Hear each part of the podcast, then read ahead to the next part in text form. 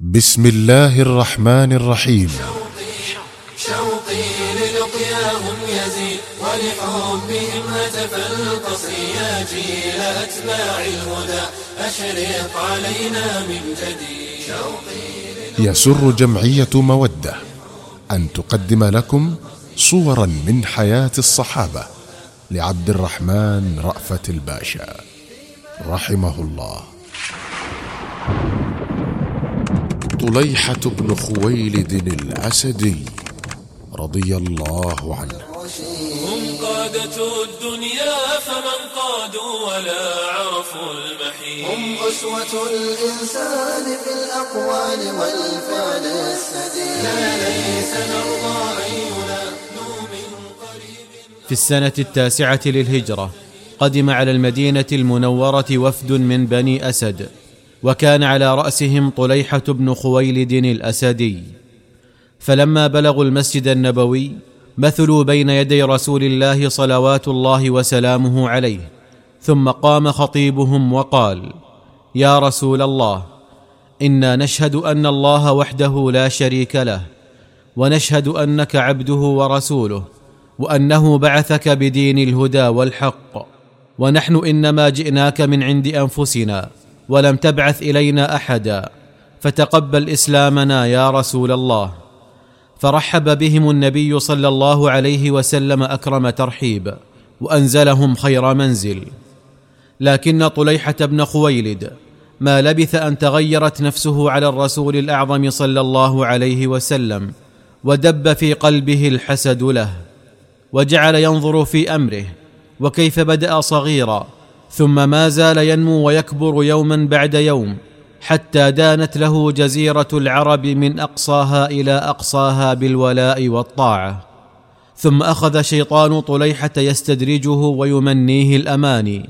فيقول له يا طليحة أين محمد منك؟ فما هو بأفصح منك لسانا؟ فأنت آديب لبيب شاعر. وما هو بأقوى منك جنانا؟ فأنت أشجع العرب شجاعة وأشدهم بأسا حتى إن الناس يعدونك بألف فارس إذا جد الجد. ثم إنه ليس بأعز منك نفرا فأنت من بني أسد وبنو أسد مساعر حرب. لهم في ميادينها أيام مشهودات ومواقف معدودات. فلما عاد الوفد إلى منازله وقف طليحة في بني أسد يزعم لهم أنه نبي مرسل من عند الله فتبعوه جميعا إما ايمانا به وإما عصبية له. بعث الرسول صلوات الله وسلامه عليه جيشا بقيادة ضرار بن الأزور لقتال طليحة وقومه. فأبلى الجيش المؤمن في بني أسد وأحلافهم أعظم البلاء وأوشك أمر طليحة أن يضمحل. لولا أن ضرارا التقى به وجها لوجه وضربه بسيفه فشاء الله أن ينبو عنه السيف والا يؤثر فيه. فاغتنم طليحة ذلك وجعل يشيع في قومه أن الله يحفظه ويدفع عنه وأن السيوف القواطع لا تعمل في جسده فاجتمع عليه من تفرق عنه وتبعه خلق كثير. وقد زاده قوة على قوة وفاه الرسول صلوات الله وسلامه عليه وارتداد كثير من العرب عن دين الله وخروجهم من الإسلام افواجا افواجا كما دخلوا فيه افواجا افواجا. ما كاد الصديق رضوان الله عليه يلي أمر المسلمين حتى عقد أحد عشر لواء لأحد عشر قائدا ووجههم جميعا لحرب المرتدين. وكان طليحة بن خويلد وقومه بنو أسد من حصة خالد بن الوليد. فتوجه سيف الله إلى مواطن بني أسد في نجد وأرسل في مقدمة جيشه مغوارين اثنين من مغاوير المسلمين هما عكاشة بن محصن وثابت بن سلمة ليجوسا خلال الديار ويتسقطا للمسلمين الأخبار. فظفر بهما طليحة وقتلهما شر قتله. فلما علم المسلمون بمصرعهما حزنوا عليهما أشد الحزن وأمره وآلوا على أنفسهم أن يثأروا لهما مهما كان الثمن غاليا. التقى الجمعان على بئر بزاخه في أرض نجد واقتتلا قتالا عنيفا ضاريا تساوى الفريقان في أوله. وكان سيد بني فزارة عيينة بن حصن قد هب مع قومه لنجدة طليحة. وصد جيش المسلمين عنه.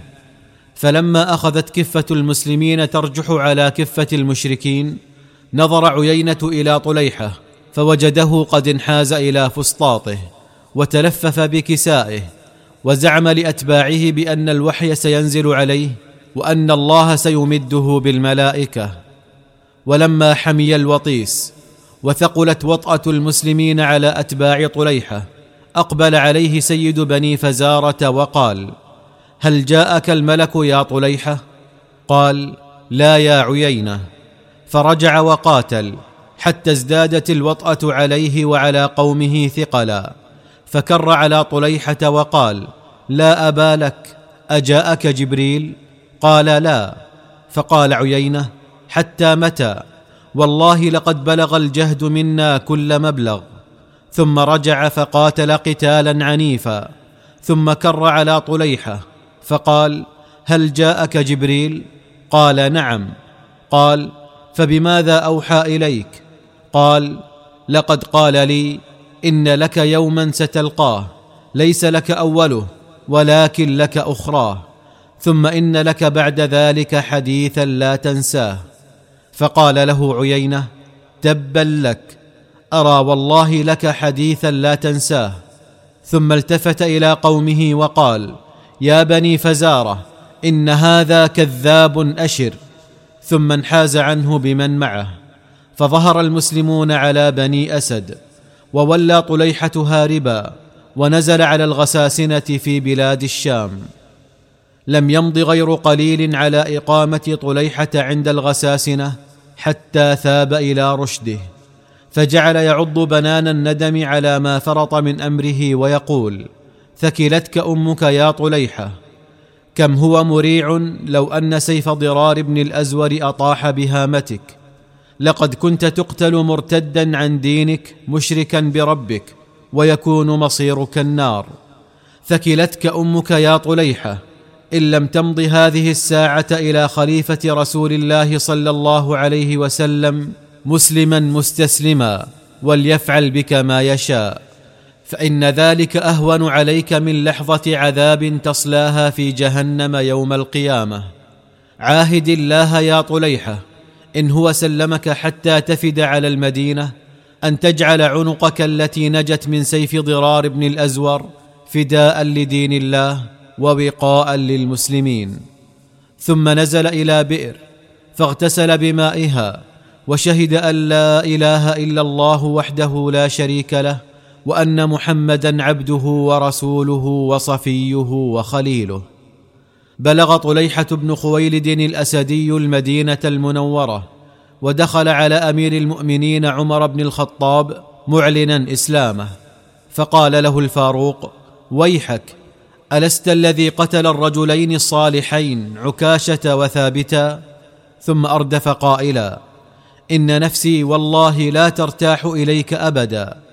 فقال طليحة يا أمير المؤمنين ما يهمك من رجلين هما أكرما بالشهادة على يدي وأنا شقيت بهما وإني لأستغفر الله العظيم وأتوب إليه. فاستجاب له عمر وقبل إسلامه. تاب طليحة بن خويلد من زلته الكبرى توبة صادقة نصوحا. وعاهد الله على أن يجاهد في سبيله ما بقي فيه عرق ينبض وآلى على نفسه أن يوردها موارد الردى عله يموت شهيدا في سبيل الله فشاء الله عز وجل. ركب المسلمون البحر ذات مرة لغزو بلاد الروم وفيهم طليحة بن خويلد. وبينما هم يمخرون العباب برزت لهم سفينة كبيرة من سفن العدو تحمل من الجند ما يفوقهم عدة وعددا وجعلت تطاردهم في عرض البحر. فقال طليحة لأصحابه قربونا منها. فقالوا له إنه لا قبل لنا بها يا طليحة. فقال لهم والله إما أن تقربوا سفينتنا من سفينتهم وإما أن أعمل في رقابكم هذا السيف فلم يجدوا مندوحة عن الإذعان له. ولما تحاذت السفينتان قال طليحة لمن معه ارفعوني على سواعدكم واقذفوني على سفينة الروم وسأريكم ما يقر عيونكم إن شاء الله. ففعلوا ما أمرهم به وما هي إلا لحظات حتى وثب طليحة على سفينة الأعداء وانقض على من فيها انقضاض الصاعقة وأجال سيفه في رقابهم يمنة ويسرة فذهلوا وجعلوا يتطايرون تحت ضرباته وما هو إلا قليل حتى قتل منهم من قتل وغرق منهم من غرق واستسلم الباقون. وفي ليلة القادسية أخرج سعد بن أبي وقاص طليحة بن خويلد الأسدي في خمسة من رجاله وأخرج عمرو بن معدي كرب في خمسة آخرين. وأمرهم أن يتسللوا تحت جنح الظلام إلى معسكرات الفرس ليأتوه بأخبارهم. فما إن دخلت السريتان المعسكر حتى انخلعت قلوب رجالهما من هول ما رأوا من العدد والعدة وما وجدوا من اليقظة والأهبة. فرجع عمرو بن معدي كرب وأصحابه ولحق بهم رجال طليحة الخمسة. أما طليحة نفسه فمضى إلى غايته غير هياب ولا وجل وقضى ليلته يتنقل في أرجاء المعسكر. فلما أدبر الليل لم يشأ أن يعود أدراجه حاملا معه ما وقف عليه من أسرار وإنما عمد إلى أعظم خيمة من خيام المعسكر.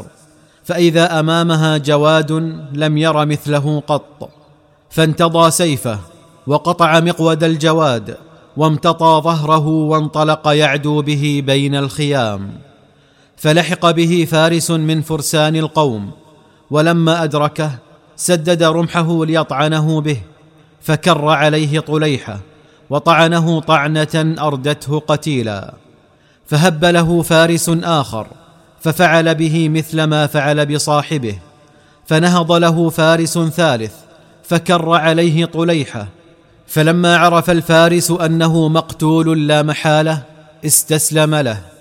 فأمره طليحة أن يركض بين يديه ثم مضيا معا حتى بلغا معسكر المسلمين. فلما رآهما المسلمون جعلوا يهللون ويكبرون. دعا سعد بن أبي وقاص ترجمانا ثم سأل الأسير عن قومه وعسكرهم. فقال أريد أن أخبركم عن صاحبكم هذا أولا ثم اسألوني عما شئتم. فقالوا هات ما عندك. فقال لقد باشرت الحروب وغشيتها ورأيت الأبطال ولقيتهم منذ كنت غلاما إلى أن بلغت ما ترون. فلم أسمع برجل دخل معسكرا فيه سبعون ألفا من المقاتلين يخدم كل مقاتل منهم خمسة رجال أو أكثر. فلم يرض أن يخرج من المعسكر حتى أغار على فسطاط القائد وهتك أطناب خيمته واستلب فرسه. فلحق به فارس يعدل الفا من الفرسان فقتله.